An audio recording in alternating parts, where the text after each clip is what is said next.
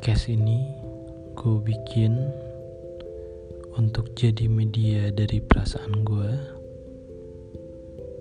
untuk kalian dengar.